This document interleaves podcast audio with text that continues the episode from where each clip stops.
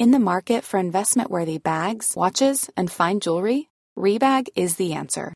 Rebag is a luxury resale platform where each piece is carefully inspected by experts to ensure quality and authenticity. Use Rebag to buy and sell finds from the world's top brands, including Louis Vuitton, Chanel, and Cartier. Head to Rebag.com and get up to 15% off your first purchase as a member with code REBAGNEW. Shop today at Rebag.com. That's R E B A G.com. And use promo code REBAGNEW for up to 15% off your first purchase as a member. Burrow's furniture is built for the way you live. From ensuring easy assembly and disassembly to honoring highly requested new colors for their award-winning seating, they always have their customers in mind. Their modular seating is made out of durable materials to last and grow with you. And with Burrow, you always get fast, free shipping. Get up to 60% off during Burrow's Memorial Day sale at burrow.com slash ACAST. That's burrow.com slash ACAST. burrow.com slash ACAST. Hey, I'm Ryan Reynolds. At Mint Mobile, we like to do the opposite of what Big Wireless does. They charge you a lot, we charge you a little. So naturally, when they announced they'd be raising their prices due to inflation, we decided to deflate our prices due to not hating you. That's right. We're cutting the price of Mint Unlimited from $30 a month to just $15 a month. Give it a try at mintmobile.com slash switch. $45 upfront for three months plus taxes and fees. Promo rate for new customers for limited time. Unlimited more than 40 gigabytes per month. Slows. Full terms at mintmobile.com. Åpne dører presenterer sin årlige liste over land der kristne blir forfulgt, og det er uro i Hilsong i Norge. Velkommen til eh, Tore og Tarjei, en podkast fra dagen.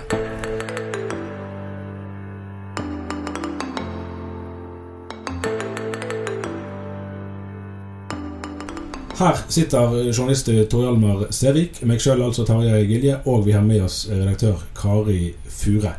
Vi begynner eh, på de britiske øyer, Torhjelmer.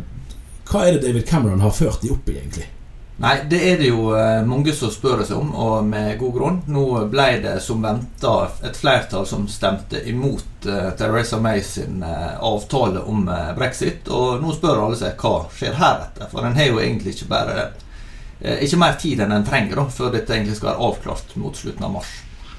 Ender det opp med at det ikke blir noe brexit, at alt fortsetter som før? Ja, at alt fortsetter som før skal vel godt gjøres, men eh, det er stor usikkerhet knyttet til hva som kan komme til å skje. Det går jo i spekteret fra nyvalg til ny folkeavstemning til nye forhandlinger, da, som en skal begynne med. For det skal jo eh, være sånn at hun skal presentere en ny plan nå allerede var det mandag. Sånn at eh, her er det mange ting som haster, og som er, det er ganske store ting i spill. Når jeg studerte sammenlignende politikk for mange år siden, så var det noen som snakket om at EU kunne bli et sånn United States of Europe, men det var et veldig effektivt motargument at det er helt sjanseløst å få disse europeiske landene med så lange tradisjoner og så sterk selvfølelse til å gå inn i en sånn union der de må oppgi ganske mye av sin historiske egenart. Det, hvor mye er det liksom britisk stolthet som egentlig er kjernen i saken her? Det er jo sånn at uh, Storbritannia har et, uh, sånn geografisk skille mellom uh, seg og kontinentet. Og det ligger nok også noe symbolsk der. At Storbritannia betrakter seg ikke helt som en del av det europeiske fellesskapet på samme måte som f.eks. Tyskland og Frankrike. Så nei, det blir veldig spennende å se hva dette her ender opp med. Det er jo en scene i, i denne gamle TV-serien Yes Minister der Sir Humphrey sier at vår altså Storbritannias utenrikspolitikk den har vært stabil i mange hundre år, og den handler om å skape et mest mulig ustabilt Europa for da å fremme Storbritannia. Ja, nettopp. Vi blir kanskje litt fanget av det nå, da? Ja, det, det vil bli spennende å se. Jeg tror jeg bare må si det sånn. Jeg intervjua jo eh, sjømannsprest Torbjørn Holt i London da jeg var der eh, i desember. Og han eh, uttrykte det vel sånn at det er nesten umulig å overvurdere dramatikken i det som nå skjer. Men eh, det er ikke bare der det er dramatisk. Det er jo også eh, for så vidt dramatisk i eh, USA. Så, det er virkelig det. Jeg leste i går jeg tror det var i Dagsavisen at mangeårig NRK-journalist Bjørn Hansen snakker om at Trump er helt uvitende om sin egen uvitenhet. Og at hans administrasjon over tid kommer til å gå i oppløsning innenfra. Det kan jo være han får rett i det. Men jeg lurer ikke så sjelden på om, om det er òg vi på vår side av havet da, som egentlig mangler forståelse for en god del av dynamikkene som beveger seg i amerikansk politikk og samfunn. Ja, En kan vel i det minste konstatere at, uh, at, det å analysere og forstå Donald Trump er blitt en øvelse som vi aldri blir ferdig med. Eh, og eh, forsøkene på å forutsi hva Donald Trump skal si og gjøre, de har jo vist seg gang på gang å være mislykka. Sånn at eh, eh, der også vil jeg si det er nokså uforutsigbart hva som kommer til å skje. da. Men eh, at eh, det kommer til å bli eh, fred og fordragelighet med det første, er vel eh, ikke grunn til å forvente. Men det var en fin passiar i, i podkasten 'Gjever og Joffen her i dagen. Da var det Yngve Kvistad og Anders Gjever som snakket om det var vel om Sverige. Og da spurte Gjever Kvistad blir det nyvalg. Så svarte Kvistad ja. Nei, han svarte nei. Og da svarte Gjever til at ja, men da blir det altså nyvalg. Fordi at mediefolk har lært at vår evne til å forutsi virkeligheten, den er begrenset. Ja. Vi har også fått med oss Kari Fure i dag, som nevnt. Hun har vært på lanseringa av Åpne dører si forfølgelsesliste for 2019. Den blir lansert hvert år eh, tidlig i januar. Og eh, hva er det viktigste nye i år, Kari? Det som mange opplever som mest dramatisk, er jo det voldsomme bykset som Kina gjør oppover på den lista. Eh, på fjorårets liste så lå de på plass nummer 43, og nå har de rykka helt opp til plass nummer 27. Det er fremdeles langt igjen til de verste landene, f.eks. til nabolandet Nord-Korea, eh, som har levd på topp eh, Jeg lurer på om det er 17 år. Eh, det er jo et land der det er så ille å være kristen at du kan bli drept for det du tror på.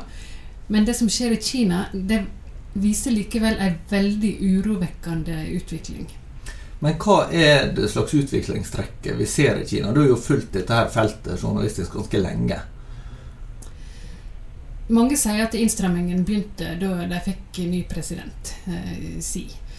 Eh, men særlig det siste året så er det blitt dramatisk forverra. Og det eh, skriver en tilbake til noen nye reguleringer som kom i fjor eh, i februar.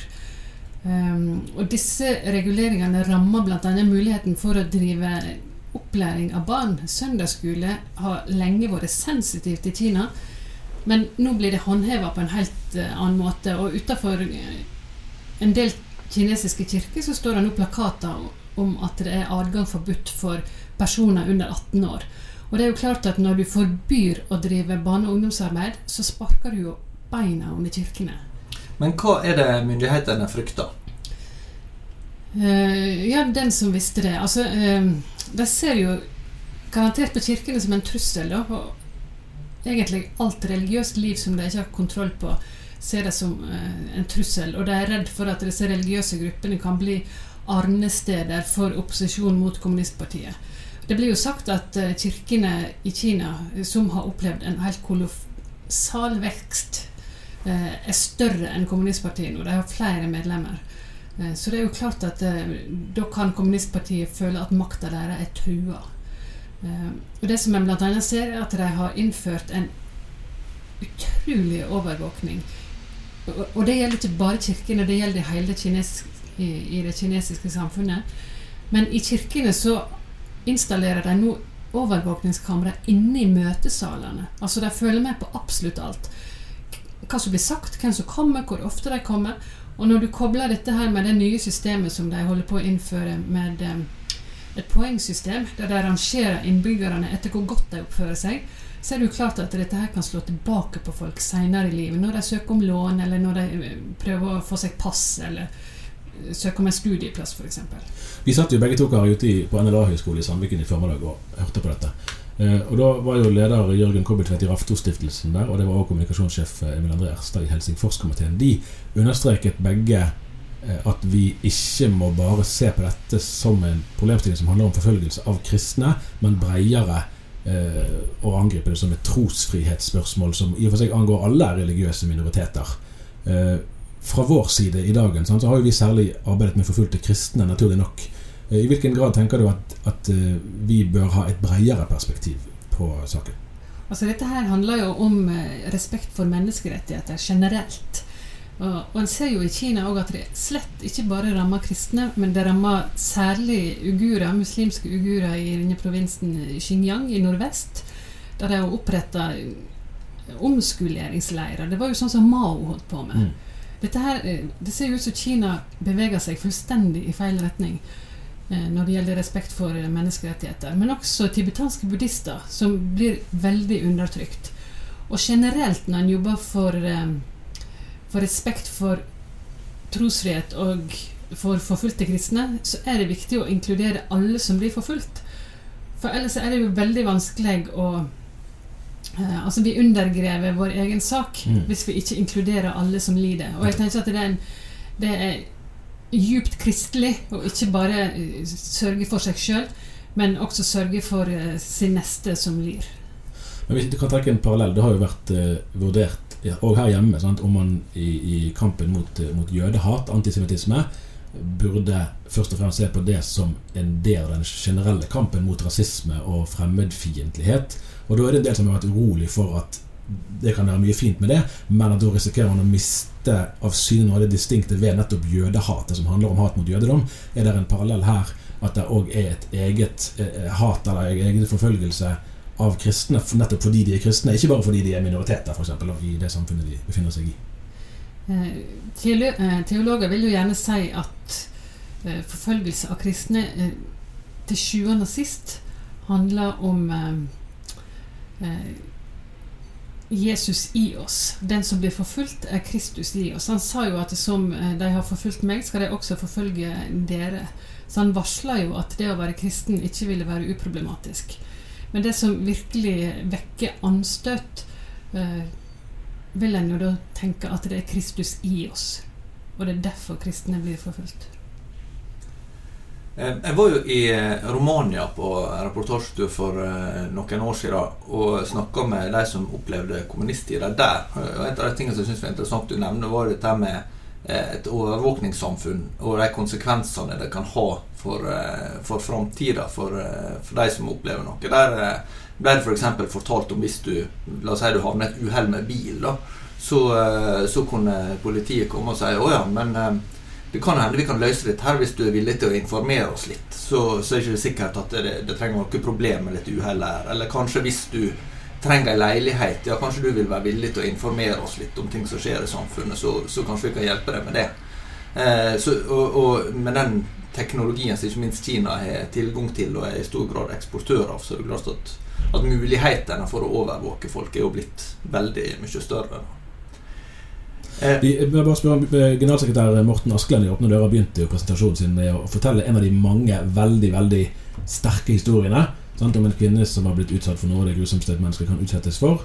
Eh, og, og, eh, som hadde kommet seg gjennom det, men ikke uten, ikke uten vanskeligheter. Altså, i dag, Det vi ser i dag på presentasjonen, er jo oversiktsbilder. Sant? Hovedtrender og noen utviklingstrekk fra år til år, men det er i et stort perspektiv. Når du jobber med dette fra uke til uke og år etter år, så er det jo sikkert ikke minst menneskeskjebnene eh, du blir grepet av. Hva opplever du at det gjør med deg, Harry, å ha holdt på med dette såpass lenge? Altså Det er jo mye mørke du må ta inn over deg når du arbeider med dette feltet. Ja, det har du helt rett i. Men da er det jo akkurat møtet med mennesker som eh, Som er lys i mørket. Eh, Det å å se dem, eh, møte dem ansikt til ansikt, høre historiene, høre hvordan de klarer å mobilisere styrke i seg sjøl eh, i vanskelige situasjoner. Men du kan jo bli helt utslått når du hører på hva folk har opplevd. Så jeg er jo full av respekt for mange av disse. Men så er det også det som er veldig viktig å si, er at det er veldig mye glede langs med veien. Mm. Um, og det er jo ikke bare mørkt. Der er jo også et uh, spørsmål rundt det å, å rangere land der det foregår forfølgelse. Lista til Åpne dører den eh, har 50 land med, og de er i tre forskjellige kategorier. Uh, fra ekstrem forfølgelse til høy grad av forfølgelse til, til forfølgelse, er det sånn det er rangert. Eh, Iallfall tre kategorier. da. Eh, og så vil jo noen kanskje være overraska over et, et land som f.eks. Saudi-Arabia eh, ligger lenger nede på lista enn et land som India. Og India er jo eh, en, tross alt en betydelig eh, kristen eh, minoritet, rundt 2,5 tror jeg.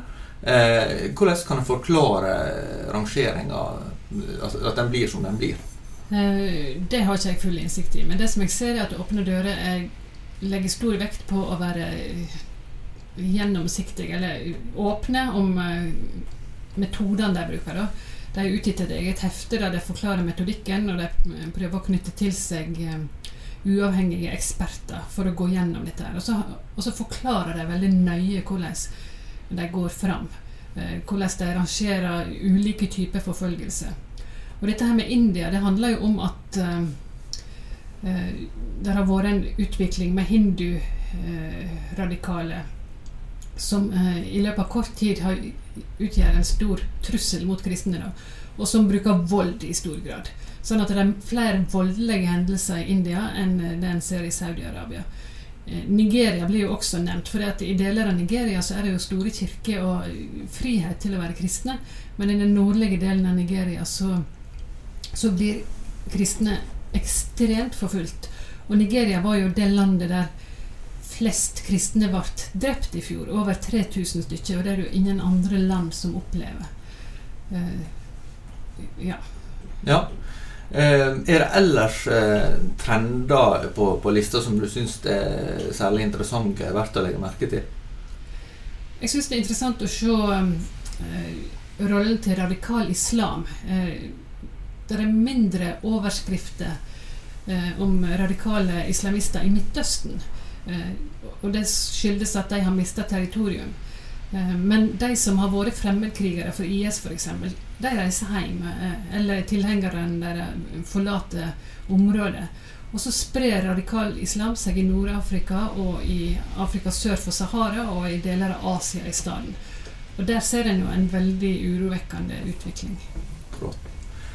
Ehm, det er jo vært en interessant utvikling når det gjelder medias oppmerksomhet rundt uh, disse spørsmåla, uh, der en har hatt uh, kanskje også større interesse fra, fra allmenne medier nå enn en før. Samsvarer det med, med, ditt inntrykk? Ja, absolutt. og det skyldes delvis at aviser som Dagen, tenker jeg, men også Vårt Land og flere, har drevet journalistikk på det lenge. Men ikke minst at disse organisasjonene som fronter disse sakene, som Åpne dører og Stefanusalliansen, har gjort et veldig grundig arbeid eh, og etterrettelige. Og det viser seg at det som de eh, påstår, det holder vann. Det er sant, det som de sier. Hvis vi til slutt skal se litt på, eh, på utfordringer for, for, Norge altså Jeg tenker da både det politiske Norge og, og det mer hva skal jeg si, folk flest. da, altså hvordan vil du at de, det som vi kan lese ut av denne lista, er en utfordring for, for oss som bor her? Altså For oss som enkeltmennesker så handler det jo om å engasjere seg for kristne i de landene de blir forfulgt. For den norske staten, som liker å slå seg sjøl på brystet og være best i klassen når det gjelder respekt for menneskerettigheter og eh, eh den slags. Eh, de har jo litt å leve opp til når det gjelder å ikke bøye unna for autoritære regimer som Kina eller Saudi-Arabia, der en kan ha sterke økonomiske interesser som på en måte knebler politikerne. Og Det var jo noe av det som vår sjefsredaktør Vebjørn Selbekk eh, gikk løs på på denne pressekonferansen i dag. Han satt i panelet eh, og kritiserer norske myndigheter for å være mer opptatt av frossen laks enn levende mennesker.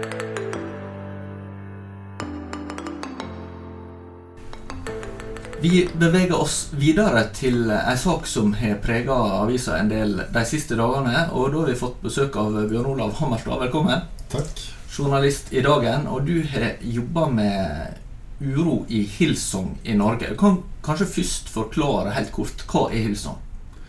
Hilsong er jo en uh, moderne grein av uh, pinsebevegelsen i verden. Uh, som samler rundt 100 000 besøkere hver uke. Eh, den ledet av Bobby O'Brien Houston, startet i Australia i 1983. Og eh, kom til Norge for eh, et par år siden, halvannet år siden. Der intronettverket, en rekke menigheter startet av Jostein og Britt Krogedal, ble til Hillsong. Hva har prega deg i, i Norge? Altså, hva, hva er det kjennetegn av? Altså, Hillsong er kjennetegnet av en moderne profil, en urban uh, møtestil som passer for uh, unge mennesker. Uh, de er jo aller mest kjent i verden for å gi ut lovsang, og det gjør de fortsatt i stor stil. I Norge er Hillsong slik det stort sett er alle andre steder i verden. Det er et konsept som ligner mye, uansett hvor du, hvor du drar. Hva er det som skjer i Hillsong Norge nå? Akkurat nå så er det en, en veldig spesiell situasjon. Vi fikk et uh, tips inn uh, før jul om at eh, det har kommet inn eh, over 20 varsler eh, på lederstilen eh, og oppførsel til lederen av Hillsong Norge, Jostein Krogedal. Um, disse varslene kom inn, kom inn, begynte å komme inn i august, og den siste kom i desember. Og varselet går på hans lederstil, at han behandler folk nedsettende, at han opptrer manipulerende, at han bruker hersketeknikker. og dette har skapt mye uro i, i, bevegelsen i Norge, som nå ja, teller en ni menigheter på ni, ni, i ni forskjellige byer. Hvordan har det vært å jobbe med dette journalistisk? Det er en vanskelig sak. Eh, fordi jeg har hele tiden måttet forholde meg til anonyme kilder. Eh, det er ingen av varslerne som ennå har ønsket å stå fram. Eh, og det innebærer også mye kontakt med disse kildene, som jeg syns har vært modige i den forstand at de har, de har villet dele informasjon, fordi jeg har sett at det har vært viktig for saken. Eh, vi har intervjuet eh, både Jostein Krogedal, styreleder, eh, leder av lederrådet i pinsebevegelsen, Sigmund Kristoffersen. Og det har vært til dels tøffe intervjuer, spesielt med Jostein Korgedal, fordi vi måtte konfrontere han med disse anklagene. Og han må svare på spørsmål om han er manipulerende, om han bruker hersketeknikker. Det er det er ikke spørsmål vi vanligvis stiller til kristenledere, men eh, det har vi måttet gjøre i denne saken. Tarjei, eh, det er jo en del som vil spørre hvorfor skal Dagen skrive om eh, interne stridigheter blant kristne. Både fordi en syns det blir negativ oppmerksomhet, men også fordi det er ting som kanskje er komplisert og vanskelig å formidle på en skikkelig måte i ei avis som har de rammene vi har med både eh, hva jeg sier, begrensa plass, og der alle kanskje ikke vil uttale seg, og, og sånne ting. Eh, hva taler for og imot å skrive om en sånn sak som dette? Dette er vel noe av det aller vanskeligste vi jobber med. På den måten at Hvis du står overfor en, eh, en, sak der det er økonomisk underslag, eller hvis man har en teologisk uenighet eller en politisk uenighet i andre sammenhenger, så er det lettere å etablere fakta i saken. Altså Her er posisjonene, den mener det, den mener det, og, realiteten er sånn eller sånn. Her handler det jo i stor grad om, eh, om eh, relasjonelle forhold. Og da er det vanskeligere å få, satt, altså, få gjort det helt klart for alle hva som er saken, og så kunne det lettere å la være. Samtidig så Det er jo et grunnleggende kristent ideal. Sant? at Vi driver ikke med hemmeligheter. Det som skjer i kirker, er ikke hemmelig. Sant? Vi skal tåle åpenhet om det vi holder på med. Det er et helt elementært ideal. Og det er jo òg for oss som avis viktig at vi ikke bare skriver hyggelige ting. Det ville vært òg lettere for oss å bare skrive fint om våre egne sammenhenger og begrense den kritiske journalistikken til å handle om sammenhenger vi uansett ikke identifiserer oss med. Men da er vi jo virkelig ikke troverdige i det vi holder på med. Så blir det en vurdering av hva for noen saker er det som har offentlig interesse. For Det er klart at det kan jo finnes personalkonflikter i alle slags sammenhenger som ikke nødvendigvis hører til i avisen. 20 eh, varsler er veldig mye. Altså, folk får eh, sparken for langt færre varsler enn det i, i andre situasjoner. Eh, jeg mener ikke at det er et gitt utfall i det hele tatt her, altså. men, men 20 varsler er veldig mye.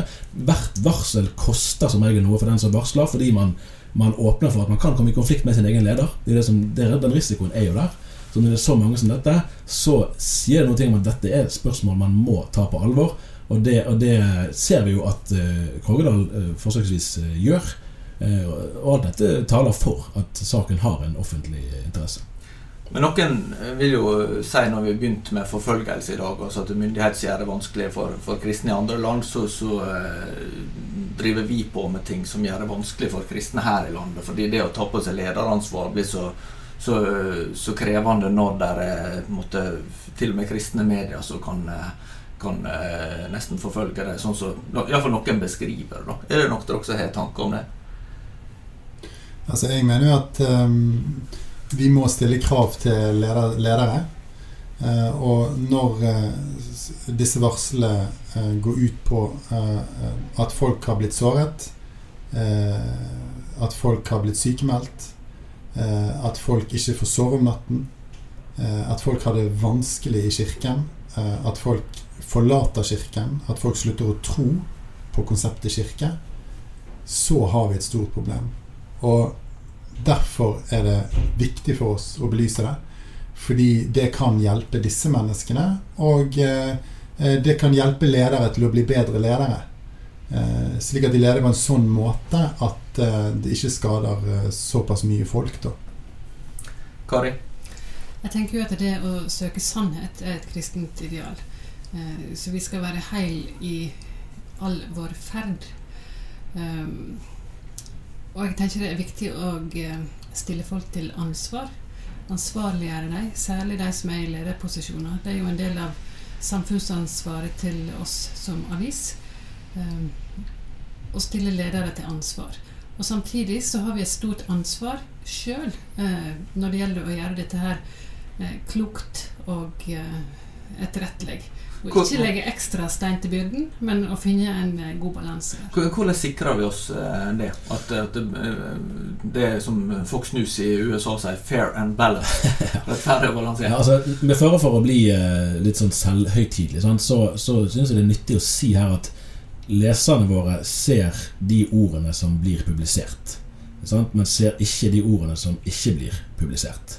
Eh, sant? Og spesielt i sånne saker så ligger det ofte altså mange timers arbeid bak de avveiningene. Hvilke opplysninger er det vi vurderer som tilstrekkelig verifisert? Hvilke opplysninger er det vi tenker har en offentlig interesse? Hvilke opplysninger er det vi tenker at vi enten ikke kan fastslå med tilstrekkelig tydelighet, eller som egentlig ikke er nødvendig å få frem i, i uh, formidlingen. Så det er alltid mye mer i historien enn det som står i avisen. Uh, og så må vi være ydmyke med at den vurderingen er jo i siste instans uh, basert på, på skjønn. Sant? Og et, et samlet skjønn ut fra alt det vi har av kompetanse og erfaring. Men vi må ta høyde for at vi kan underveis eh, gjøre vurderinger som vi etterpå vil se at det var nok ikke det klokeste vi kunne gjort. Og det har nok vært tilfeller av tidligere. Må, vi, vi, kan ikke være være mer kjepphøye enn at vi, eh, vi eh, erkjenner det. Eh, men, men, vi prøver veldig bevisst å velge ut de opplysningene som de mener egner seg. Vi får jo ofte telefoner fra våre lesere, og det er vi veldig glad for. Og noen av dem kritiserer oss for vår journalistikk. Og For et halvt års tid siden kanskje, så fikk jeg en telefon fra ei dame som var opprørt over måten vi dekka en annen kristen sammenheng på. det. Og hun sa at det må ikke skrive kritisk om disse her. Vår rolle som kristne er å dekke over for hverandre. Det mener jeg er feil. Jeg tenker at vi må skrive sant om hverandre, og at det vi det vi gjør, må tåle at det blir satt søkelys på det. Men noen vil jo kanskje si at alle gjør feil, og hvis du kan hva som helst som menneske du kjenner på et visst nivå, vil du kunne si negative ting om. Eh, som er helt rett. Men hvis vedkommende bare opplever at en hører de negative tingene, så tenker en dette er ikke et helhetlig bilde av hvem jeg er.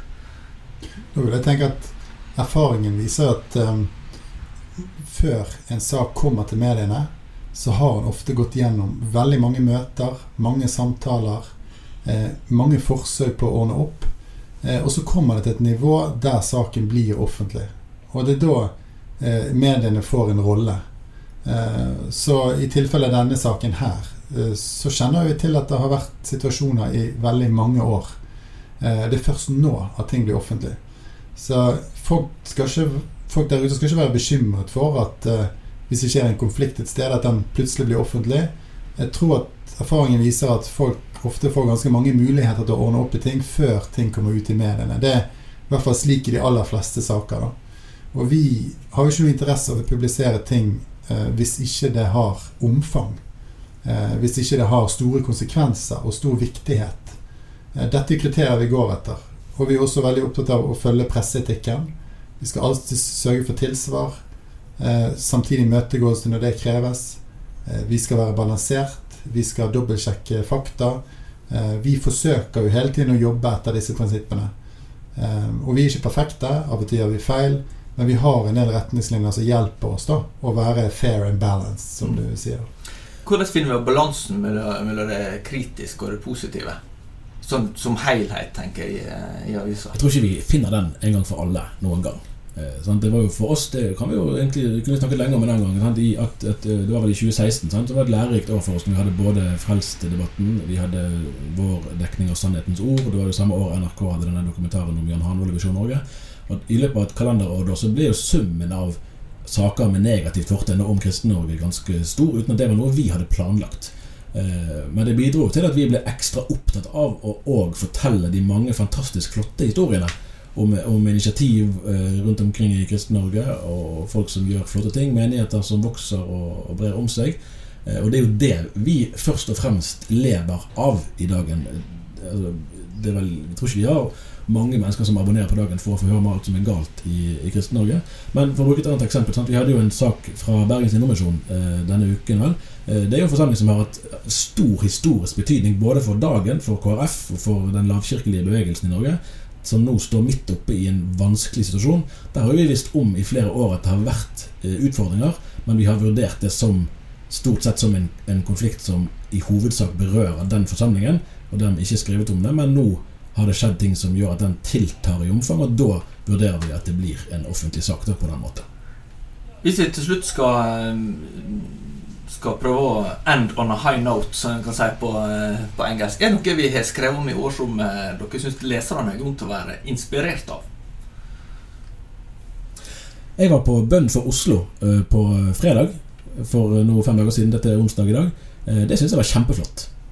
Uh, det har de holdt på med i nesten 20 år. Det er flott å se det økumeniske samarbeidet. Menigheter fra ulike slags leirer i Kristen-Norge som møtes og kan inspirere hverandre.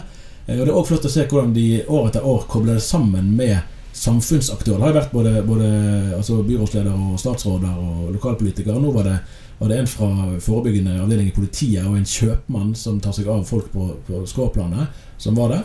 Kjempeflott at menighetene deltar i samfunnslivet, at bønnelivet kombineres med et samfunnsengasjement.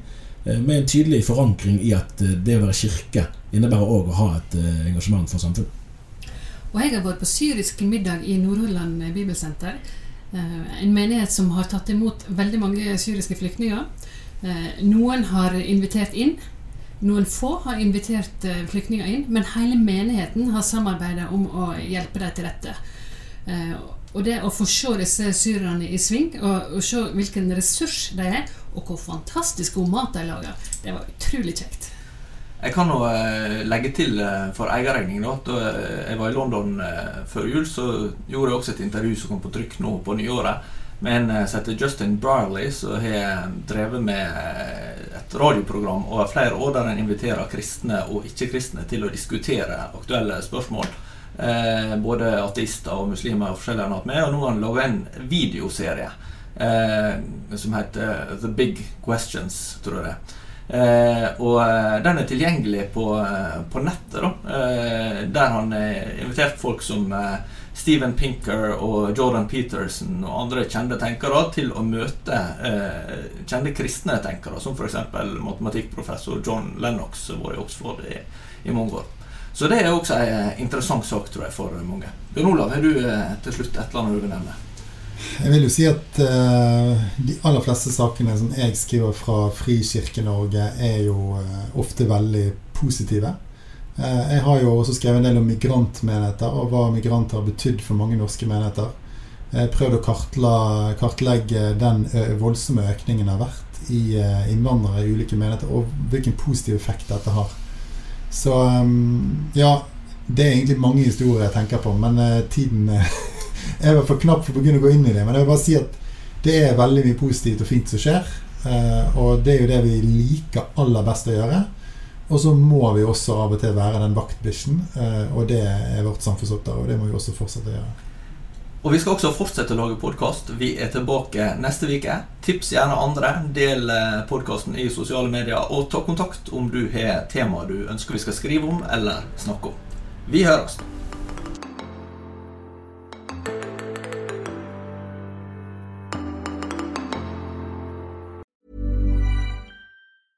Selling a little or a lot? Shopify helps you do your thing however you cha-ching. Shopify is the global commerce platform that helps you sell at every stage of your business. From the launch your online shop stage to the first real life store stage, all the way to the did we just hit a million orders stage. Shopify is there to help you grow. Shopify helps you turn browsers into buyers with the internet's best converting checkout. 36% better on average compared to other leading commerce platforms because businesses that grow grow with Shopify. Get a $1 per month trial period at shopify.com/work. shopify.com/work.